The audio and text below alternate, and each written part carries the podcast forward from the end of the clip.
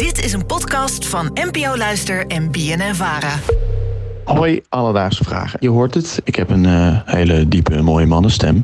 Maar ik vroeg me eigenlijk af waarom vrouwen een hogere stem hebben dan mannen. Alledaagse vragen. NPO Luister. Jan, dankjewel voor je vraag. En uh, David, we gaan het hebben over stemmen. Wat vind je van je eigen stem? Daar word ik nu heel erg mee geconfronteerd nu ik uh, hier achter de microfoon zit. Um, ik ben er niet ontevreden over, maar hij had nog wel wat dieper gemogen. Nu hoor je natuurlijk, mijn stem is natuurlijk nog een stuk hoger dan jouw stem. En dat is vaak zo bij uh, het verschil tussen mannen en vrouwen. Maar waarom is dat eigenlijk zo?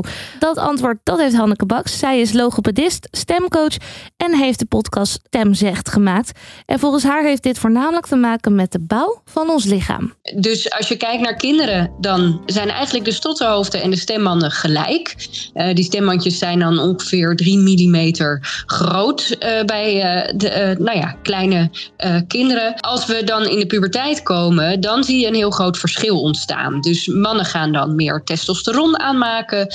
En dan gaan die, dat zothoofd en die stembanden die gaan dan flink groeien. En die worden dan zo'n nou ja, twee centimeter lang, zeg maar, die stembanden. Maar bij de vrouwen blijft ze wat kleiner en anderhalve centimeter. En een groter of langere stembanden en een wat grotere massa van die stembanden, die maakt dat het uh, ze langzamer trillen en dat geeft een lager geluid. En bij vrouwen met wat kleinere en iets dunnere stembanden uh, geeft het een wat hoger geluid. Ja, wat onwijs interessant. Ja, dus de grootte van je strottenhoofd, dat beïnvloedt dus de hoogte van je stem door die trillingen die daarin kunnen plaatsvinden. Uiteindelijk is de klankkleur van je stem, wat ook heel belangrijk is, dat is ook van toepassing op hoe je stem overkomt. Naast de hoogte en de laagte heb je ook nog iets als klankkleur of timbre. En dat gaat um, ja, veel meer over hoe, hoe klinkt de klank. Dus wat zijn de boventonen? Um, dus als ik zeg uh, hey, hallo of hey hallo, dan ben ik even hoog, maar het klinkt heel anders. Dus het klinkt dan wat dieper. Dus, uh, dus je hebt de toonhoogte en je hebt de klankkleur. Ja, en dit kan je trainen, denk ik. Want ik kan moeilijk mijn strottenhoofd groter maken voor een mm. diepere stem. Maar ik kan wel het timbre aanpassen. Oeh, jeetje David. U luistert naar Candlelight. ik probeer het zelf zeker ook altijd te doen. Want ik, eh, zoals je hoort, heb ik een hoge stem. Maar ik wil het liever eigenlijk met je over een andere vrouw hebben. Want misschien ken je Elizabeth Holmes wel. Mm -hmm.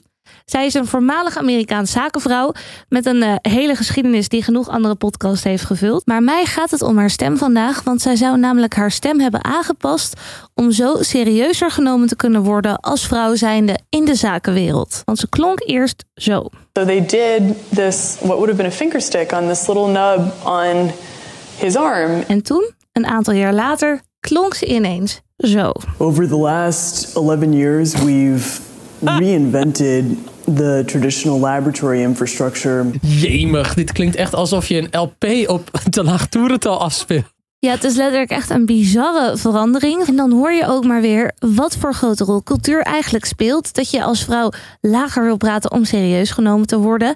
En dat zie je niet alleen in de zakenwereld, dat zie je ook in andere landen en culturen.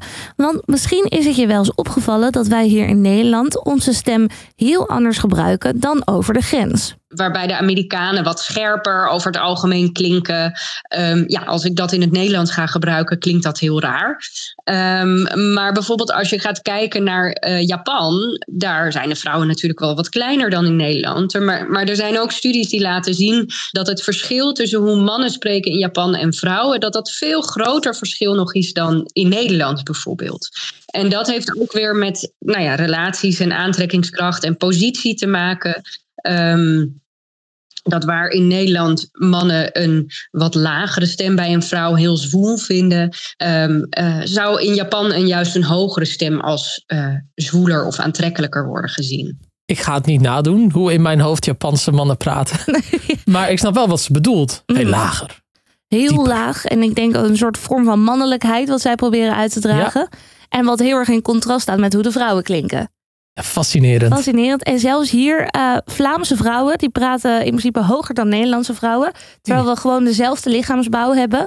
Dus dat is allemaal uh, cultureel gezien heel anders qua aantrekking. Alledaagse vragen.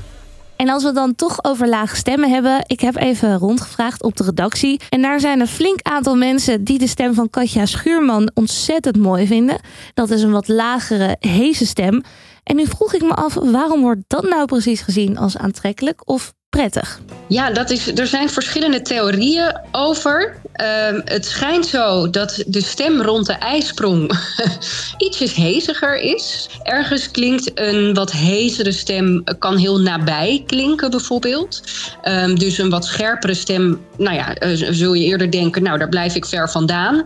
Terwijl een wat hezere stem ook, uh, nou ja, toch een signaal afgeeft van we zijn dichtbij en um, kom maar naar me toe.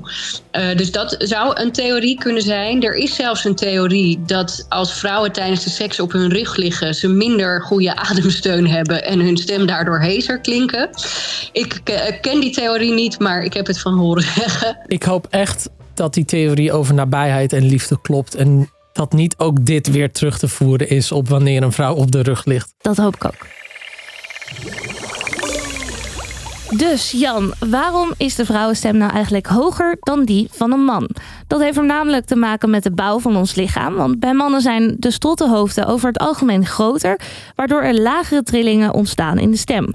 Daarnaast speelt ook de cultuur waarin wij leven een grote rol. In Japan wordt bijvoorbeeld een hoge stem bij een vrouw gezien als prettig, terwijl wij in Nederland liever luisteren naar een lage stem. Heb jij nou ook een vraag? Stuur ons dan een DM via Insta, het Alledaagse Vragen. Of mail ons, alledaagse vragen. En dan zoek ik het voor je uit. Alledaagse Vragen. NPO Luister. BNN Vara.